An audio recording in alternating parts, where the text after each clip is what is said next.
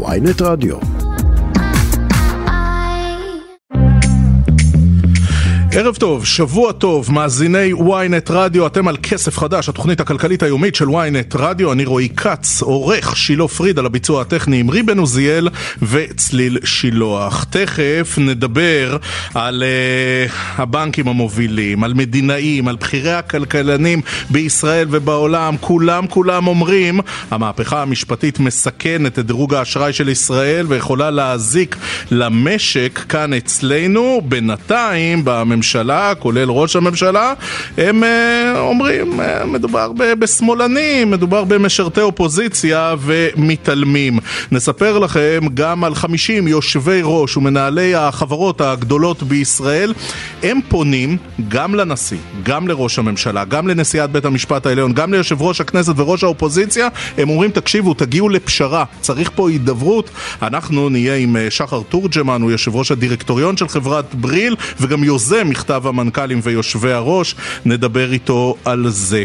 המורים בתיכונים הם שבתו היום שביתת אזהרה של רן ארז, הכל בדרישה לחזור למשא ומתן איתם, וגם אה, דרישה אה, בסיסית יותר להעלות את אה, שכר המורים המתחילים ל-12 אלף שקלים. אנחנו ננסה לברר לאן המאבק הזה הולך, והאם רן ארז רק מעודד את הביקורת על הכוחנות, שלא נאמר הבריונות של ארגוני המורים שהודיעו ככה ביום שישי שהם אה, משביתים את הלימודים.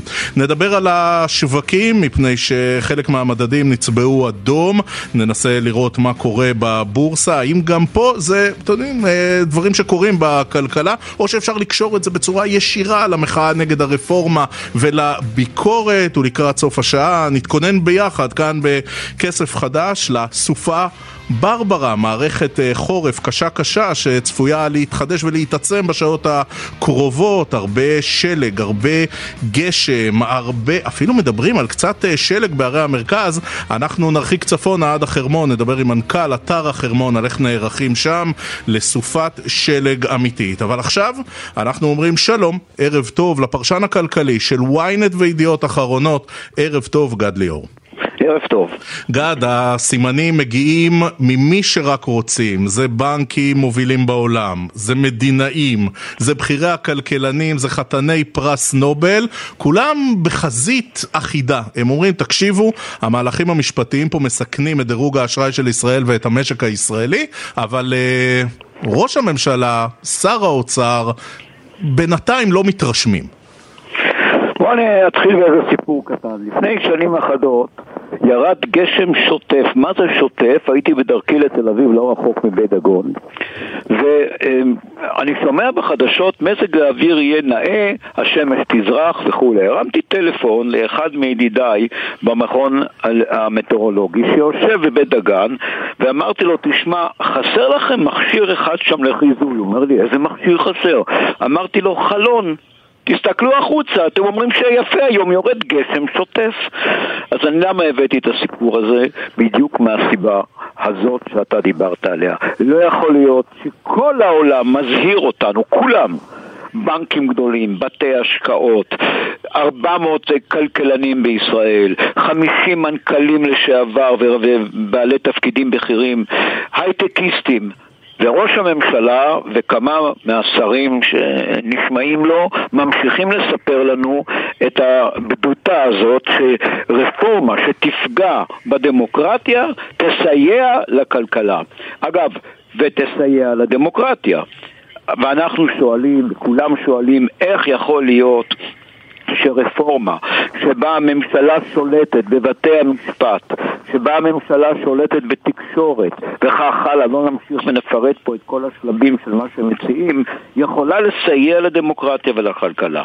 ואת זה שמע ממקור ראשון ראש הממשלה בנימין נתניהו, שציפה לשמוע מילים טובות בביקורו הראשון כראש ממשלה בפעם השישית בפריז.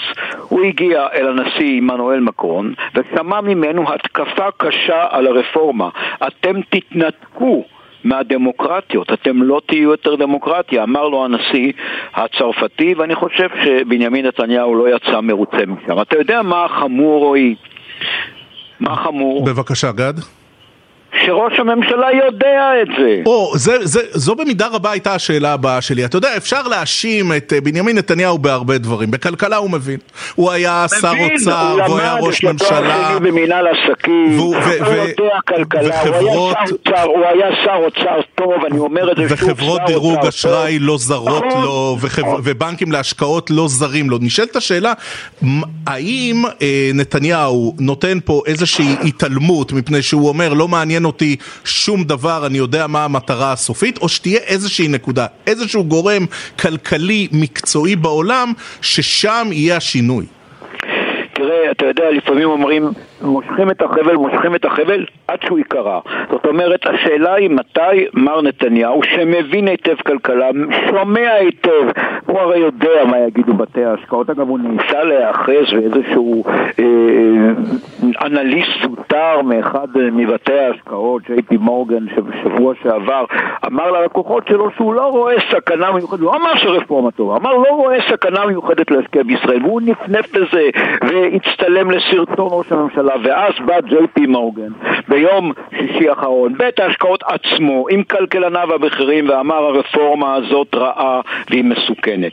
אז אני אומר, עד שהחבל ייקרא, עד שמר נתניהו יבין שהמטרה הסופית שלו הרי אחת. המטרה היא בית המשפט, להחליש את בתי המשפט, להחליש את uh, היכולת השיפוטית אולי להרשיע אותו בדין, אולי uh, לגזור עליו עונש. הוא רוצה להיחלץ מהעניין הזה, ואת זה כולם יודעים. אבל באיזשהו מקום יש כאן באמצע מדינה.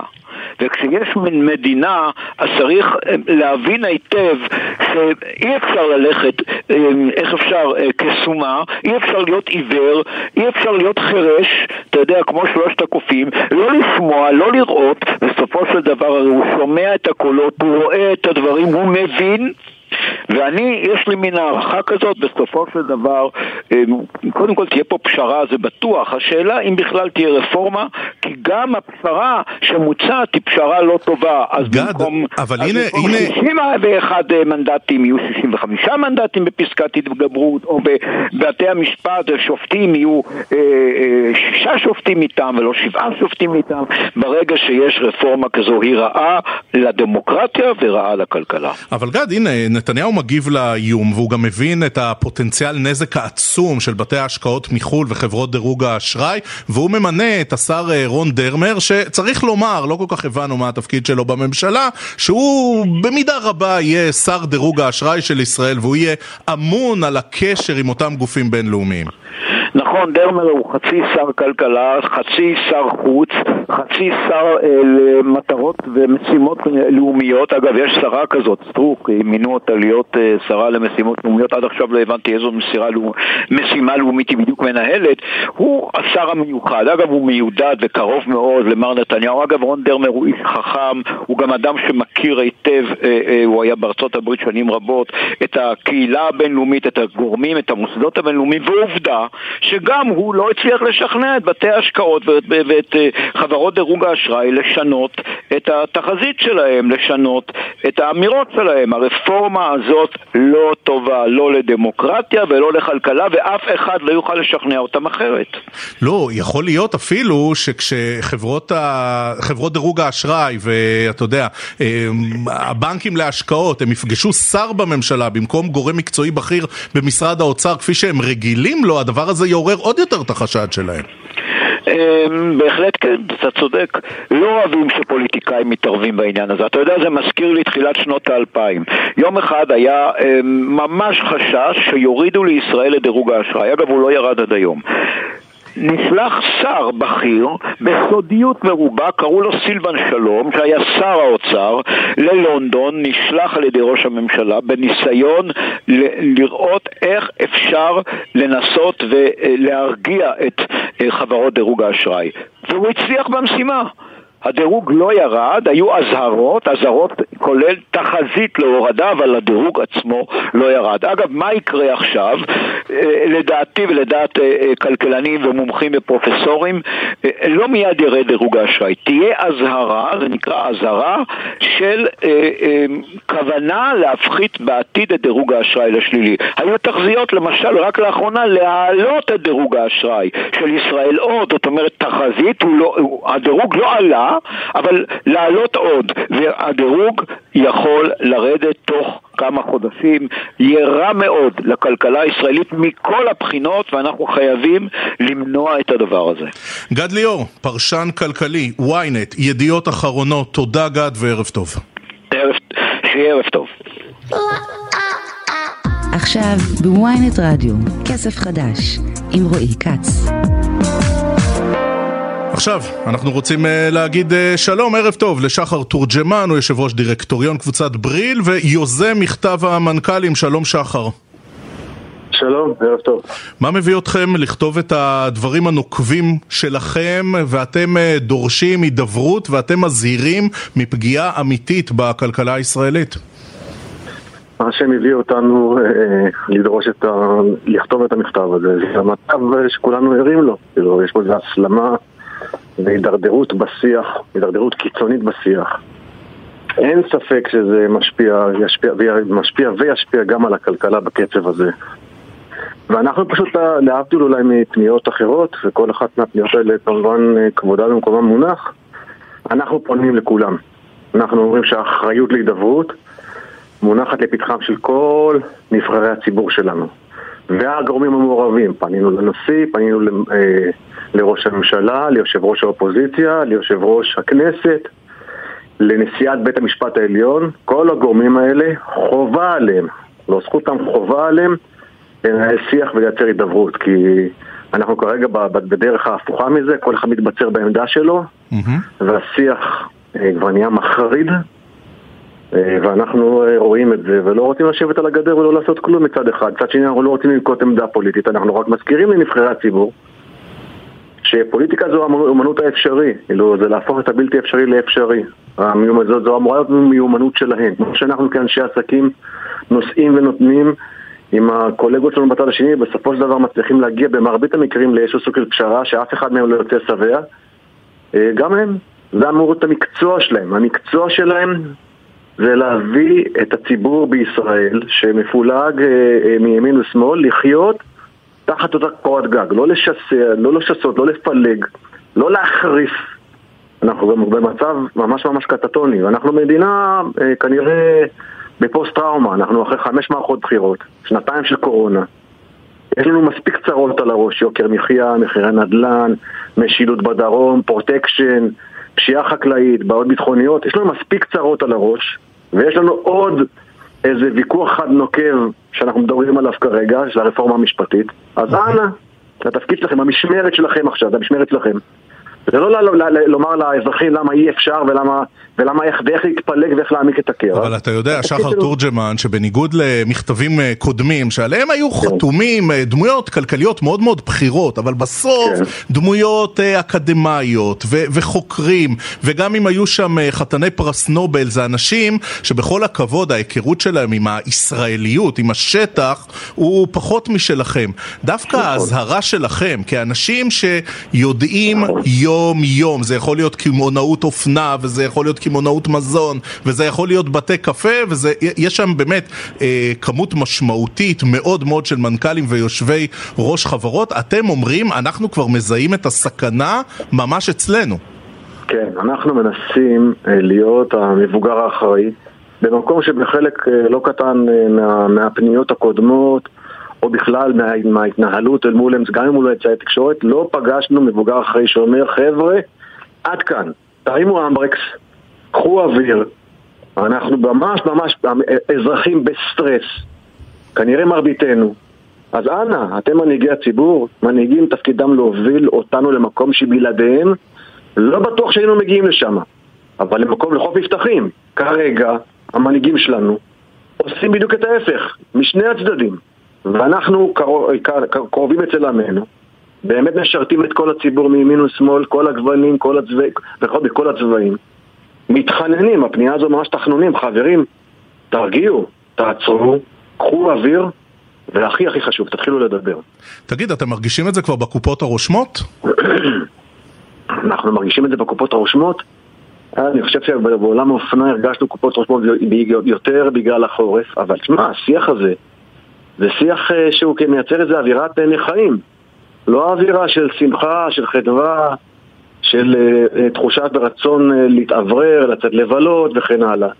וזה גם עשוי להחמיר, בגלל זה כתבנו את מה שכתבנו ופנינו לכל, לכל מקבלי החלטות, בלי יוצא מן הכלל. אבל רגע, נגיד אה, לא אתה אה, ספציפית, כן, אה, מייצג ככה נאמן של תעשיית האופנה, של קמעונאות האופנה, אבל בחברים אחרים, אתה יודע, כשהרחובות בוערים, והרחובות בוערים, והדיבורים נעשים אלימים יותר, והתגובות כן. נעשות אלימות יותר, בינתיים לשמחתנו רק מילולית, אבל אנחנו יודעים איך מצבים מידרדרים. בקופות הרושמות, זה כבר בא לידי ביטוי, אנשים אומרים, תקשיבו, זאת לא אווירה. אווירה כלכלית נעימה לא, לחיות לא, בה. אני לא חושב, אני חושב שזה עוד מוקדם uh, לומר. אני חושב שאנחנו נמשיך ככה, אנחנו נרגיש, נרגיש בסוף אם, ה, אם המדינה מפולגת, מי שמסתכל עלינו מבחוץ יהיה מוטרד, ומי שמסתכל עלינו, מי שמסתכל עלינו מבחוץ מלווה למדינה הזו כספים רבים, ואז הוא יהיה, ואז מבחינתו פרימת הסיכון תגדל, הריבית תגדל, ובסוף זה, ישתר, זה ישתרשר לאזרחים. זאת אומרת, לבוא להגיד שבסוף uh, הכל בסדר ושום דבר לא יהיה, לא, לא, לא יהיה מורגש כלפי חוץ ונמשיך להתנהל כמו שלשום, מי שאומר ככה, אני לא בטוח שהוא צודק, אני חושב שככל שאנחנו ממשיכים וההתלהמות נמשכת והשסע גדל, בסוף זה גם יקרין גם על המקומות הכלכליים, אני חושב שמוקדם מדי לומר את זה. אנחנו באים מהמקום באמת באמת הערכי, אנחנו מוטרדים מאוד. אמרת שעד עכשיו זה מילים קשות, אבל מילים. אה, דין רודף, ובוגדים, וירידה מהארץ, ונשק. זה השיח של השבוע האחרון. אלוהים אדירים, לאן הגענו? לאן הגענו? אנחנו מבקשים מכל אה, אה, נבחרי הציבור שלנו לעשות את מה שהם אמורים לעשות במשמרת שלהם. להרגיע, לוודא שכולנו נוכל להמשיך לחיות כאן כמו שחיינו כאן למעלה מ-70 שנה. שחר תורג'מן, הזכרתי בפתיח שלי שאתה היית יוזם מכתב המנכ"לים. תן לנו רגע הצצה לתהליך. אז אתה מבין שדברים פה חייבים להשתנות. מה? זה מתחיל בוואטסאפים, בטלפונים לא, לקולגות? לא, זה, זה איך, זה, איך זה קורה? זה מתחיל בוואטסאפ בפנייה אישית שאומרת לחברים, לקולגות שלי, אה, חברים, אה, בשלה העת שנפסיק לשבת על הגדר ונעשה פנייה ונצא לפנייה מאוזנת ואובייקטיבית, לא פוליטית, לנבחרי הציבור שלנו לעשות את מה שהם אמורים לעשות. ואם אנחנו לא, אם, אם נפנה פנייה, נפנה בפנייה רק לצד אחד, אנחנו לא נהיה לא מאוזנים. ואם נפנה לכל, לכל הצדדים ונדרוש מהם לשבת ולדבר, אולי האפקט המצטבר של כל הפניות הקודמות וגם הפנייה שלנו זה יקדם את הנושא. לשמחתי מצאתי ערב רב של חברים, שגם הם חושבים פחות או יותר אותו דבר. הם נרתמו, דע לך שזה לא קל, אנחנו בניגוד אולי לכלכלנים ולמשפטנים. לכם יש מה להפסיד. לנו יש מה להפסיד, זה הציבור, ציבור הלקוחות בא לקנות אצלנו, ואם הציבור יזהה כאילו אנחנו נוקדים באיזושהי עמדה פוליטית, זה עשוי להזיק לנו. לכן אני חושב שהחברים שחתמו על המכתב הם באמת אמיצים, כי לכולנו במגזר, במגזר שלנו יש מה להפסיד. ובכל זאת, מה שגבר על, על היש מה להפסיד זה החרדה והתחושה שבאמת אנחנו נמצאים בנקודה שלא היינו בה. וזה רק הולך ומחמיר. ומה? אה, יהיו עוד שמות שהצטרפו למכתב מאז הפרסום בבוקר בוויינט? כאילו זה, זה, הרשימה שלך של קרוב ל-60 מנכ"לים, יו"רים ובעלי חברות הצלחנו לגבש תוך אה, שלושה ימים, אני פשוט לא הספקתי לפנות לכל האחרים ואני יודע שעוד ועוד רוצים להצטרף, כי הפנייה היא מאוזנת והיא מתריעה בפני הפוליטיקאים. חברים, תעשו את מה שמצפים לכם לעשות. אתה אומר מספיק זה מספיק. enough is enough, הגענו, תראה, השיח הוא מחריד. השיח גם, השיח המחריד שאני ציטטתי חלקים ממנו, הגיע מאנשים שאין ויכוח, אין עוררין על כך שהם מלח הארץ, הם אנשים ערכיים, היומיום שלהם, אנחנו בדרך כלל יכולים לשמש לנו דוגמה, דוגמה ומופת, תרתי משמע, חלק אחד מהם הוא גיבור ישראל. אלוהים אדירים, אם אה, לשם הגיע השיח, ואני שמח שהחברים האלה חזרו בהם ממה שהם אמרו, אז בואו נשאל את עצמנו איך הגענו למצב הזה. הגענו למצב הזה, כי הפוליטיקאים, במקום לעשות חיבורים, מעמיקים את הקרע. שחר תורג'מן, יושב ראש דירקטוריון קבוצת בריל, יוזם מכתב המנכ"לים ויושבי הראש. תודה אדוני, תודה רבה וערב טוב. תודה לך. כסף חדש, אנחנו מזכירים לכם, אם אתם רוצים להאזין לנו בהאזנה מאוחרת לכל התוכניות, לכל הרעיונות, אתם עושים את זה במתחם הרדיו באתר ynet או בכל אפליקציות הפודקאסטים המובילות, אנחנו בספוטיפיי, אנחנו באפל, אנחנו בגוגל, אתם מחפשים כסף חדש בשורת החיפוש ויכולים להאזין לנו בכל מקום, בכל מכשיר, בכל שעה. אם אתם מאזינים לנו כפודקאסט, לא לשכוח, לדרג אותנו. ללחוץ עוקב, וככה תקבלו עדכון לכל תוכנית יומית חדשה שעולה. תכף נדבר על השביתה של המורים בתיכונים שהתקיימה היום, נדבר גם על מה צפוי בשווקים בעקבות המשך המחאה נגד הרפורמה המשפטית, וגם נערך לסופה ברברה, מערכת החורף שתכה בישראל בשעות הקרובות ובימים הקרובים, אבל עכשיו... הפסקה מוזיקלית. כסף חדש, התוכנית הכלכלית היומית של ynet רדיו, נגיד תודה לטונה ויסמין מועלם על סהרה ונמשיך לבעיות שלנו. מורי התיכונים שבתו הבוקר, אה, זו הייתה שביתה מפתיעה, צריך להגיד, בשלטון המקומי. אה, הם אמרו שזה נודע להם רק ביום שישי בצהריים, יש כאלה שזה נודע להם רק בשבת, אבל התוצאה בשורה התחתונה, הילדים בתיכונים, התלמידים, נשארו היום בבית, שביתת אזהרה בת יום אחד של ארגון ה... המורים בבתי הספר העל-יסודיים. אנחנו אומרים שלום, ערב טוב לחבר הכנסת משה טור פז מיש עתיד. ערב טוב רועי, ערב טוב למאזינים. טוב, אנחנו רואים פה את המשך ההתנהלות של אה, רן ארז, השאיר היום את אה, התלמידים בתיכונים בבית. אה, נדמה לי שההורים התקשו אפילו להבין על מה בדיוק שביתת האזהרה, אבל רן ארז אומר לאנשי האוצר, הוא אומר, תקשיבו, תיכנסו איתי מהר מהר למשא ומתן, הכרזתי סכסוך עבודה, הנה השבתתי יום אחד, או במילים פשוטות תיזהרו ממני. תראה, אני לא, אה, רועי, אני לא חסיד גדול של ארגוני המורים, לא ידוע, אבל אני חושב שבמקרה הזה עניינית רנרת צודק. אה, האוצר ומשרד החינוך החדש בניהולו של יואב קיש צריך להיכנס למשא ומתן. אה, אנחנו סיימנו משא ומתן מוצלח מאוד עם הסתדרות המורים בזמן הממשלה הקודמת, כולל כמה פריצות דרך משמעותיות ביחסי עבודה, הערכה של הקביעות, תוספת שכר למורים חדשים. אומר ארז בצדק, ארגון המורים הוא צריך לקבל גם כן משא ומתן ותנאים חדשים. אני כידוע שוב אה, חושב שהתאגדות זה דבר לגיטימי, אבל ארגוני המורים אה, סובלים מעודף כוח. למרות זאת, לגופו של עניין, רן ארץ צודק, צריך להיכנס איתו למשא ומתן, ומן הראוי שמשרד החינוך לא ימסמס את זה, אלא יעשה את זה עכשיו, עוד לפני התקציב, כדי אה, לגמור את זה כמו שצריך. אבל למורים של העל יסודי מגיע לא פחות ממורי היסודי. חבר הכנסת אה, טור פז, אני מנצל את הניסיון שלך בניהול אה, מערכות אה, חינוך, חלקן מערכות חינוך מאוד גדולות, עמדת בראש מערכת החינוך של העיר ירושלים במשך שנים ארוכות. אחת הבעיות עם, אתה יודע, השבתות של החינוך העל יסודי, זה של השבתות שלא כל כך מפריעות למשק, מפני שההורים יודעים, אלה ילדים גדולים יחסית, הם יסתדרו בבית, זה לא מסוג הדברים שכשמשביתים גנים או בתי ספר יסודיים, אז מיד כולם מרגישים את זה כי אחד ההורים נשאר בבית. אתה צודק, אני לא בעד השבתות בכלל, ואני גם אומר לרן ארז, מעבר להשבתת אה, אזהרה, אני חושב שצריך להיכנס למשא ומתן מואץ מול האוצר, מול משרד החינוך, אה, ואתה צודק שזה פחות מציק להורים, אבל זה לא זה צריך להיות השיקול.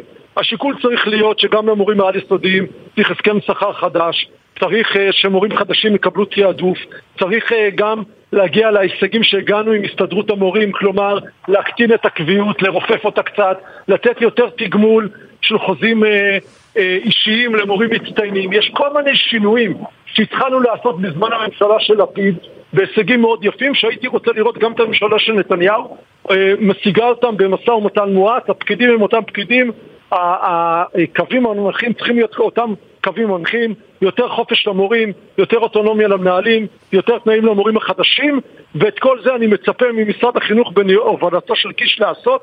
בסופו של דבר מורים זה מורים, חינוך זה מקצוע, ואני בעד שמורים ירוויחו כמו שצריך, וגם שהם ידדו על סמך הישגיהם ולא רק על סמך הוותק שלהם. חבר הכנסת טור פז, אה, בוא נדבר רגע כסף, מפני שרן ארז דורש 12,000 שקלים למורה מתחיל. הדבר הזה כמובן גוזר גם את המשכורות של המורים, אה, אתה יודע, הוותיקים יותר. זו, זו דרישה ריאלית בכלל, או שזו מסוג הדרישות משא ומתן, ואיפשהו יצטרכו להיסגר אה, באמצע, מפני שכשאתה עושה את המכפלות למספר המורים בתיכונים, גם מספר המורים החדשים, אתה מגיע פה לסכומי עתק. תראה, זה נכון, ולכן המספר שנזרק הוא מספר אה, לצורכי משא ומתן, אבל כמו שאני אומר, מה שלקחו לכותרות, שזה 12 אלף שקלים למורה מתחיל, קודם כל זה מבטא את ההכרה בכך שמורים צריכים להרוויח כמו שצריך. אבל מה שיותר חשוב פה, זה שוב, לרופף את הקביעות, הקביעות היא אה, פוגעת מאוד באיכות החינוכית בישראל. אבל זה רן ארז לא יסכים לעולם. לרופף את הקביעות זה לרופף את האחיזה שלו במורים. תראה, גם יפה בן דוד נאלצה להתפשר על שנת שנה נוספת עד לקבלת קביעות שנה שלישית. אנחנו ראינו יותר חוזים אישיים, פי שלוש ממה שהיה קודם. אני מצפה שוב מהאוצר וממשרד החינוך לנהל משא ומתן יעיל ודומה ולעמוד על העקרונות שיקדמו את מערכת החינוך. תוספת שכר זה חשוב, זה מגיע, אבל אנחנו רוצים מורים מצטיינים, בשביל זה צריך לשלם למצטיינים יותר, אנחנו צריכים חוזים אישיים כדי שנוכל לקדם את המורים הטובים ביותר, ואנחנו צריכים פחות קביעות. אלה עקרונות שעמדנו עליהם במשא ומתן עם הסתדרות המורים, ואני מצפה מיואב קיש ממשרד החינוך בראשות סמוטריץ' לקדם אותם גם עם ארגון המורים. אני חושב שרן ארז מבין שאם הוא יוצא את התוספות שהוא מבקש, הוא יצטרך גם להקריב פה. וכאן אני מוכן לעמוד ולהיות מתווך במשא ומתן, ולומר לרן ארז, הכסף שאתה דורש מגיע לך, אבל בוא תיתן בדברים שבאמת חשובים לחינוך, כי מערכת החינוך בישראל סובלת מניהול סוציאליסטי בנוסח שנות החמישים. אתה יודע, אמ, יואב קיש הוא בקושי חודש בתפקיד של שר חינוך. אתה יודע, זה, זה תחום נורא מורכב, וגם קיש, צריך להגיד, לא בדיוק עסק בסוגיות האלה בשנים שהוא אה, חבר כנסת ופעיל פוליטית. בקושי הוא נכנס לתפקיד, כבר רן ארז נתן לו על הראש את השביתת אזהרה הזו. אין פה הרבה תום לב, או אין פה הרבה רצון טוב.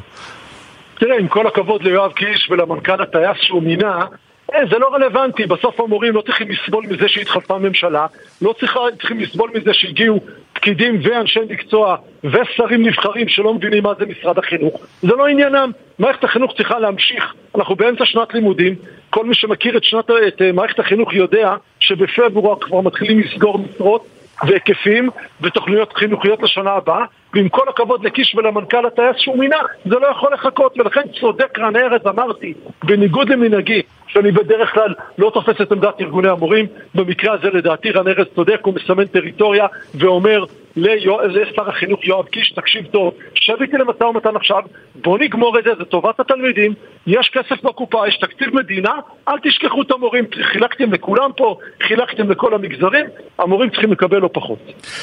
עד כמה, אה, אתה יודע, תמיד מספרים שכל מלחמה מתחילה בתוצאות המלחמה הקודמת. יכול להיות שכל משא ומתן עם ארגון מורים אה, אחד מתחיל בתוצאות המשא ומתן של הארגון הקודם. ורן ארז, אתה יודע, הוא אומר, כל מה שנתתם ליפה בן דוד לפני כמה חודשים, אני לא רוצה אותו דבר, אני רוצה יותר. אני, תראה, אני לא נכנס עכשיו לשקל יותר או שקל פחות, העיקרון... לא, אבל במכפלות, קינלי, לדברים האלה יש הרבה משמעות, אתה יודע, יש המון לא, מורים מסכים, בישראל. אני מסכים, תראה, אמרתי שוב, זה שמה שקיבלה ההסתדרות צריך לקבל גם הארגון, זה נכון, בכסף ידענו, כשנתנו איקס מיליארדים להסתדרות, זה איקס פלוס אה, אה, כמעט כפול לארגון. ידענו את זה גם כשניהלנו את המשא ומתן הקודם. הדברים החשובים זה לא הכסף, זה ההישגים של דרכי העסקה. זה ההצטיינות של מורים. אנחנו צריכים מורים מצטיינים במערכת החינוך. יש למעלה מ-200 אלף עובדי הוראה בישראל. אם אנחנו לא נשמור את הטובים ביותר במערכת, הילדים שלי, שלך, של המאזינים, לא יקבלו מורה טוב בכיתה. זה לא יקרה רק מהכסף המינימלי. שעליו מתמקח רן ארז, זה קורה מחוזה אישי, זה קורה מזה שאנחנו נתגמל מורים לפי ביצועים, על זה עמדנו במשא ומתן עם ההסתדרות, לא קיבלנו הכל, אני רציתי יותר, אבל אתה יודע, עמדתי כאן היא עקבית, יותר אוטונומיה למנהלים, יותר אוטונומיה לבתי הספר, העברת סמכויות לרשויות ולרשתות חינוך, וקידום המצטיינים, וגם שתהיה לנו אפשרות לפטר, את זה לא השגנו עם יפה מספיק.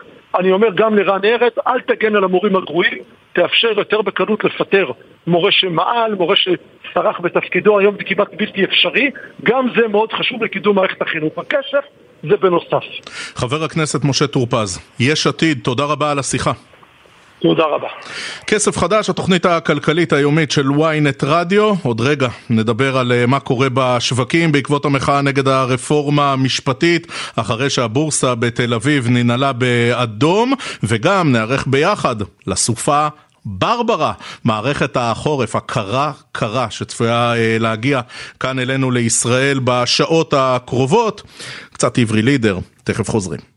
כסף חדש, התוכנית הכלכלית היומית של ynet רדיו, זה המזרח התיכון של עברי לידר, ואנחנו לגמרי כאן במזרח התיכון רוצים לדבר על הצפי לשווקים בעקבות המחאה נגד הרפורמות המשפטיות. אומרים שלום, ערב טוב למנכ"ל בית ההשקעות אמיר פישמן, שלום, אלדה תמיר. שלום, ערב טוב. טוב, זה הופך קצת אה, לדפוס, יום אה, ראשון, שני ברציפות שנצבע אדום בבורסה, מתחילה איזה קורלציה בין המחאה המחאות של מוצ"ש לבין ההתנהלות של הבורסה בתל אביב ביום ראשון?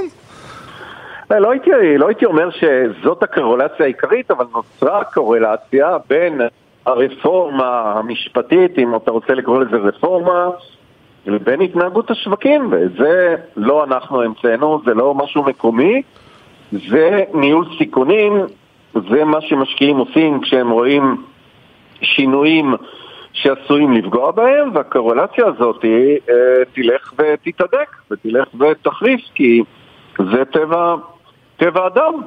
רואה סיכונים, רוצה למזער אותם, ללכת למקומות בטוחים יותר. אלדה תמיר, מה אנחנו צריכים אה, להבין מזה שמדד הבנקים נחתך ואנחנו רואים את מניות הבנקים מאבדות? אה, יש, יש משהו אה, קונקרטי שצריך להבין מזה? כי ראינו את זה גם בשבוע שעבר, אחרי זה זה תוקן ב, בימים שאחרי נכון. יום ראשון.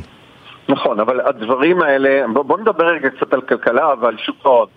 יש בסופו של דבר, אם אני ואתה עכשיו נשב, אוקיי, ונרצה להשקיע במדינה באירופה, אוקיי, ונראה שבאותה מדינה עולה, יש סיכון מסוים, אנחנו אפילו לא יודעים להעריך אותו, אבל יש סיכון שהרשות המשפטית הופכת להיות איזשהו זרוע ארוכה של השלטון, ואנחנו נגיד, רגע, אולי נוציא את הכסף, אולי לא נוציא את הכסף, נתלבט, וככל שהתפיסה הזאת תלך ותתהדק, ו... נלמד את הנושא ונראה מה קרה במדינות אחרות שבהן הממשלה שולטת ברשות השופטת ונוציא את הכסף. אז יום אחד נוציא, יום אחרי זה בהתחלה נתלבט, אבל לאט לאט הדברים האלה ילכו ויתחזקו ואני אומר פה, אם הדברים האלה ימשיכו ולא תהיה איזושהי עצירה, איזושהי ירידה מהעץ לעשות את הדברים בצורה מוסדרת עם הסכמה רחבה בלי להפוך את עצמנו למדינה שנראית או נתפסת, לא משנה כרגע באיזה צד אתה במפה הפוליטית, כמדינה שהופכת להיות דיקטטורה, אז העסק הזה ילך ויחריף, ומצבנו לא יהיה שונה ממצב של טורקיה, הונגריה או פולין. אה, לא משנה כמה ננסה להכחיש את המציאות. אלדד תמיר, אתה עוסק בזה הרבה שנים, ואתה מכיר כן. היטב אה, נבואות שמגשימות את עצמן. אנחנו רואים עוד מכתב אזהרה, ועוד מכתב אזהרה, ועוד התבטאות קיצונית, ועוד התבטאות קיצונית. עד כמה, אתה יודע, המשקיעים קטנים כגדולים, אגב, לא אומרים לעצמם, טוב, אה, בתנאים כאלה של אה, אי ודאות, אה, בוא, בוא נחשוב פעמיים, עוד לפני שיש משהו קונקרטי, או לפני אפילו שמישהו מבין את כל המשמעויות. בשוק ההון ובכלכלה אין נבואה שמקסימה את עצמה, זה מעולם הספרות, אוקיי? זה נבואה שמקסימה את עצמה, זה משפט פילוסופי שלא, אין בינו לבין מציאות כלכלית, פיננסית, שום דבר. ואני אנסה להסביר למה. בסוף כשאתה, אני אומר עוד פעם, כשאתה קונה מניה של אינטל ואתה תבין, למשל, כדוגמה, אני סתם אומר, כן, שאינטל לא יכעסו עליי, שמשהו רע קרה באינטל, מה אתה עושה? תמכור, נכון? לא תחכה לראות מה יקרה עוד שנה-שנתיים, כי אתה מנהל סיכונים.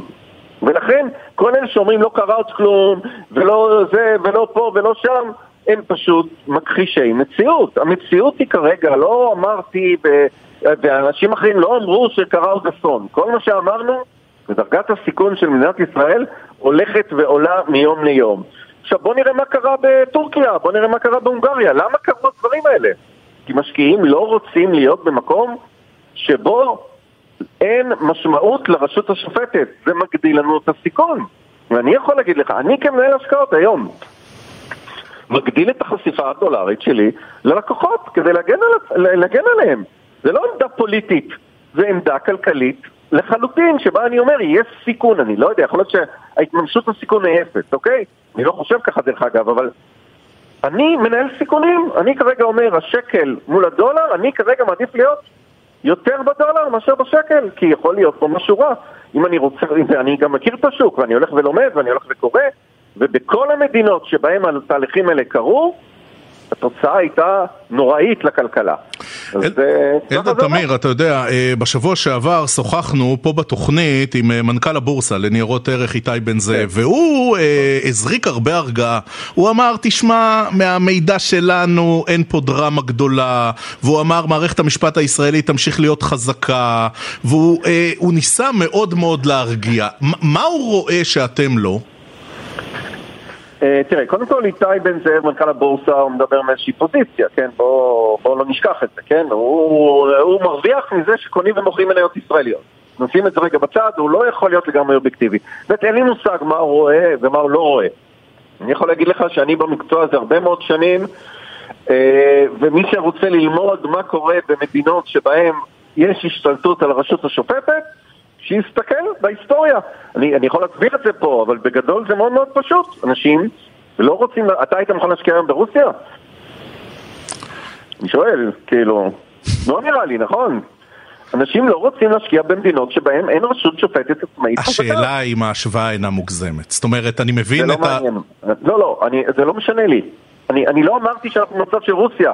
אני רק כי, אמרתי... כי אני כמובן יכול לחזור עם התשובה, והיית שואל אותי, האם אתה רוצה להשקיע בסינגפור או בהונג קונג, של אה, דיקטטורות הלכה למעשה, והיינו אומרים כן, כי משקיעים שם הרבה כסף. אמ, אני, אני, אני, אני חולק על ההשוואה, אבל... אה, זה בסדר, המשל כן, באמת כאילו- אינו דומה לנמשל, אני מסכים. נכון, אינו דומה לנמשל, אבל אני, דרך אגב, אה, גם בסינגפור ובהונג קונג יש להם את הבעיות שלהם, כן?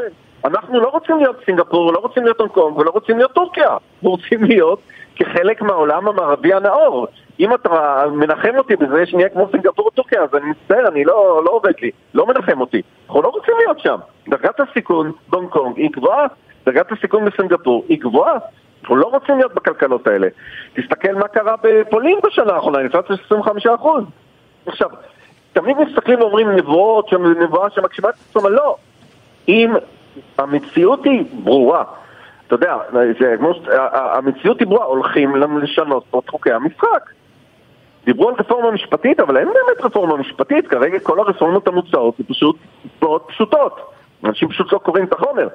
זה בעצם ניסיון של רשות, של הכנסת אה, להשתלט על בית המשפט, למנות את כל השופטים. מה צריך יותר מזה? תקראו את הצעת החוק. לא צריך הרבה, לא צריך פה פרשנות. אלדד תמיר, איך, אתה, איך אתה מסתכל מהזווית המקצועית שלך אה, על ההתייחסות של אה, נתניהו? אה, מצד אחד, אתה יודע, אה, אתה יודע, צורה די מבטלת, למרות שעל המכתבים ועל האזהרות חתומים כמה מהכלכלנים באמת הכי בכירים בישראל ובעולם. מצד שני, הוא ממנה שר בממשלה שלו, את רון דרמר, לעמוד אה, בקשר מול אה, חברות אה, דירוג האשראי, מול, אה, בנק, מול אה, בנקים להשקעות, ו, ולנסות... אה, להרגיע ולצמצם את הנזק. מהזווית המקצועית שלך, איך אתה תופס את זה? כן, איזשהו מהלך, אה, לא נעים להגיד, אה, אתה יודע, מפאיניקי כזה, זה לא, הוא לא באמת ממלא את רון דרמר כי חושב, ביבי יודע טוב מאוד, סליחה, ראש הממשלה שלנו יודע טוב מאוד שכל הקשקושים האלה בחדרי חדרים לא יעזרו שום דבר. הוא עושה את זה כדי לנסות להרגיע פה את האנשים, שבאמת אה, הקוסם גם ישנה את הדירוג של ג'יי פי מורגן. זה לא עובד ככה. אין פה, אין פה, אין פה אהבה, אין פה תשוקה, אין פה מערכת יחסים בין שר כזה או אחר לג'יי פי מורגן. יש פה עובדות ברורות מאוד, ואנליסטים, ומנהלי השקעות, ובנקים להשקעות, וכולנו בעסק הזה רואים עלייה משמעותית בדרגת הסיכון. ואתה אומר ביום יום ללקוחות שלך, אתה מנהל את זה בהתאם, אתה מצמצם את הסיכון פה ו...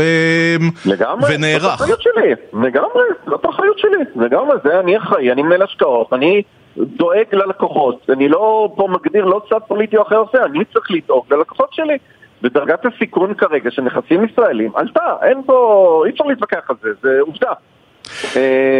ואתה יודע, אתה שאלת בנקי השקעות, מה, בארצות הברית שרוצים לדבר על משבר כלכלי או להתייעץ עם הגוף המומחה, הולכים לבנק ישראל, נכון? לבנק אמריקאי, לפד.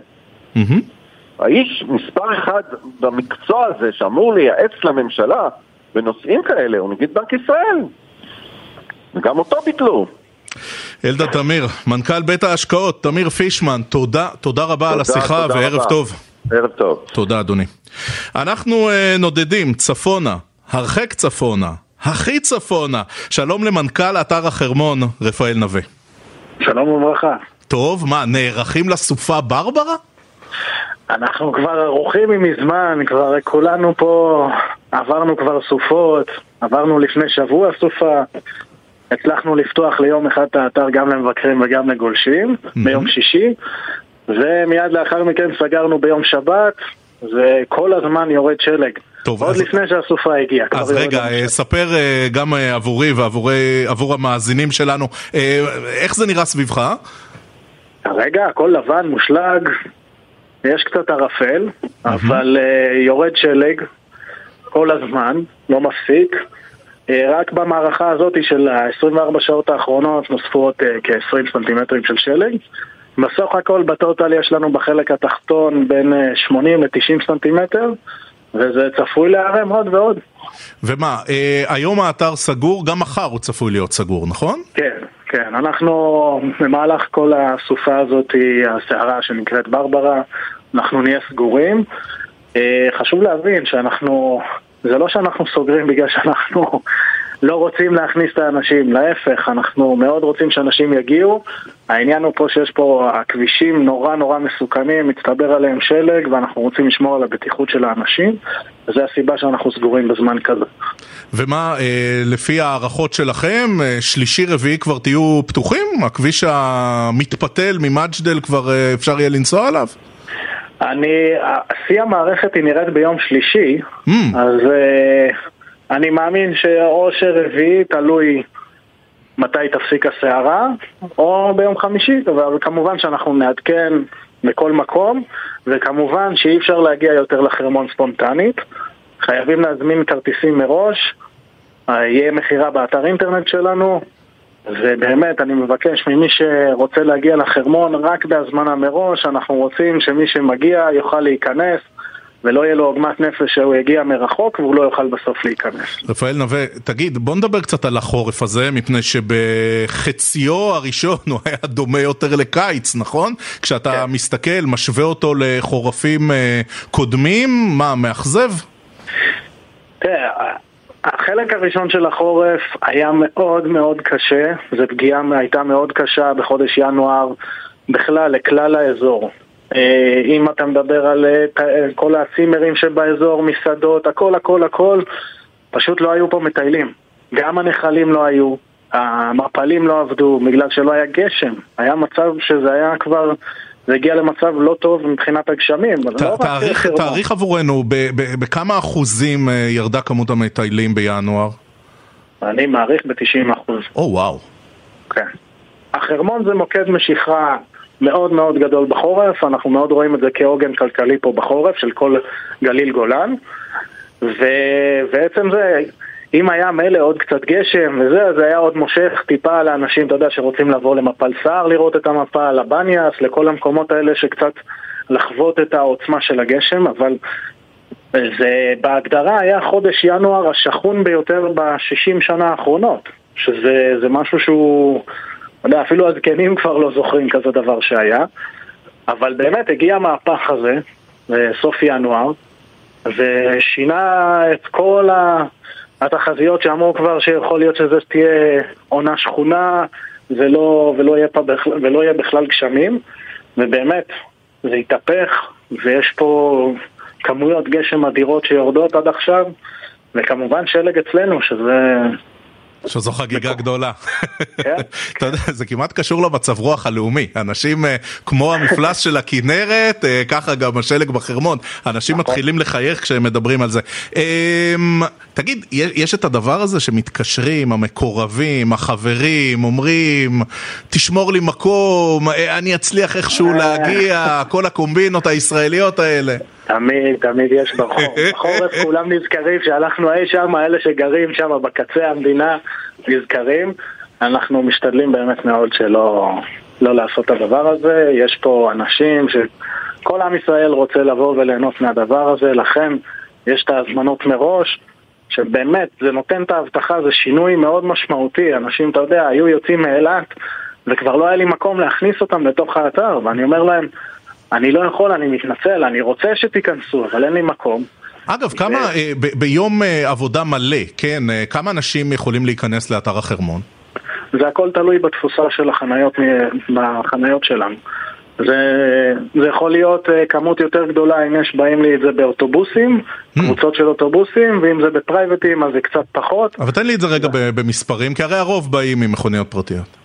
זה, זה נע בקצה שלנו ב-15 אלף איש, אבל ביום יום זה באזור ה-7,000, 8,000 איש, שזה השילוב של גם מבקרים וגם קבוצות וגם גולשים ביחד. זה. זה בדרך כלל המספר. בקיצור, אתם מתכוננים לסוף שבוע ראשון אמיתי של חגיגת שלג בחרמון. כן, היה יום שישי, באמת יום שישי האחרון עבדנו. היינו ב... אני הייתי בהתלבטות מאוד מאוד גדולה, בחמש בבוקר, יורד שלג עדיין ביום שישי, ירד עוד חמש סנטימטר של שלג, ואני מנסה ואני אומר, אני לא יודע מה לעשות, לפתוח, לא לפתוח. ובאמת כל הצוותים שלנו עבדו ונרתמו לעניין והצלחנו לפתוח באמת את האתר וזה היה יום מוצלח. אנשים נהנו מהגלישה, מה... שמע, אה, קצת ימים מבאסים בישראל, אז תנסו לפתוח כדי אה, לעודד את כולנו. אה, אנחנו צריכים את האווירה הטובה בארץ. כן, משהו שיקרר פה, בדיוק, שלג שיקרר פה קצת את האווירה ברחובות. רפאל נווה. אני אומר, בואו לעשות מלחמות שלג, לזרוק אחד על השני כדורי שלג ולא מלחמות אחים. זה יותר חשוב. שמע, זה יכול להיות סטיקר של אתר החרמון בחורף הזה. רפאל נווה, מנכ"ל אתר החרמון לקראת הסופה ברברה, תודה, תודה רבה על השיחה וערב תודה טוב. תודה וערב טוב. עד כאן כסף חדש, התוכנית הכלכלית היומית של ynet רדיו. מיד אחרינו, יואב רבינוביץ', דודו ארז, מסכמים את היום בחדשות. נגיד תודה לשילה פריד שערך על הביצוע הטכני. היו צליל שילוח ואמרי בן עוזיאל, מחר יהיה איתכם דן רבן. אני רועי כץ. המשך האזנה נעימה.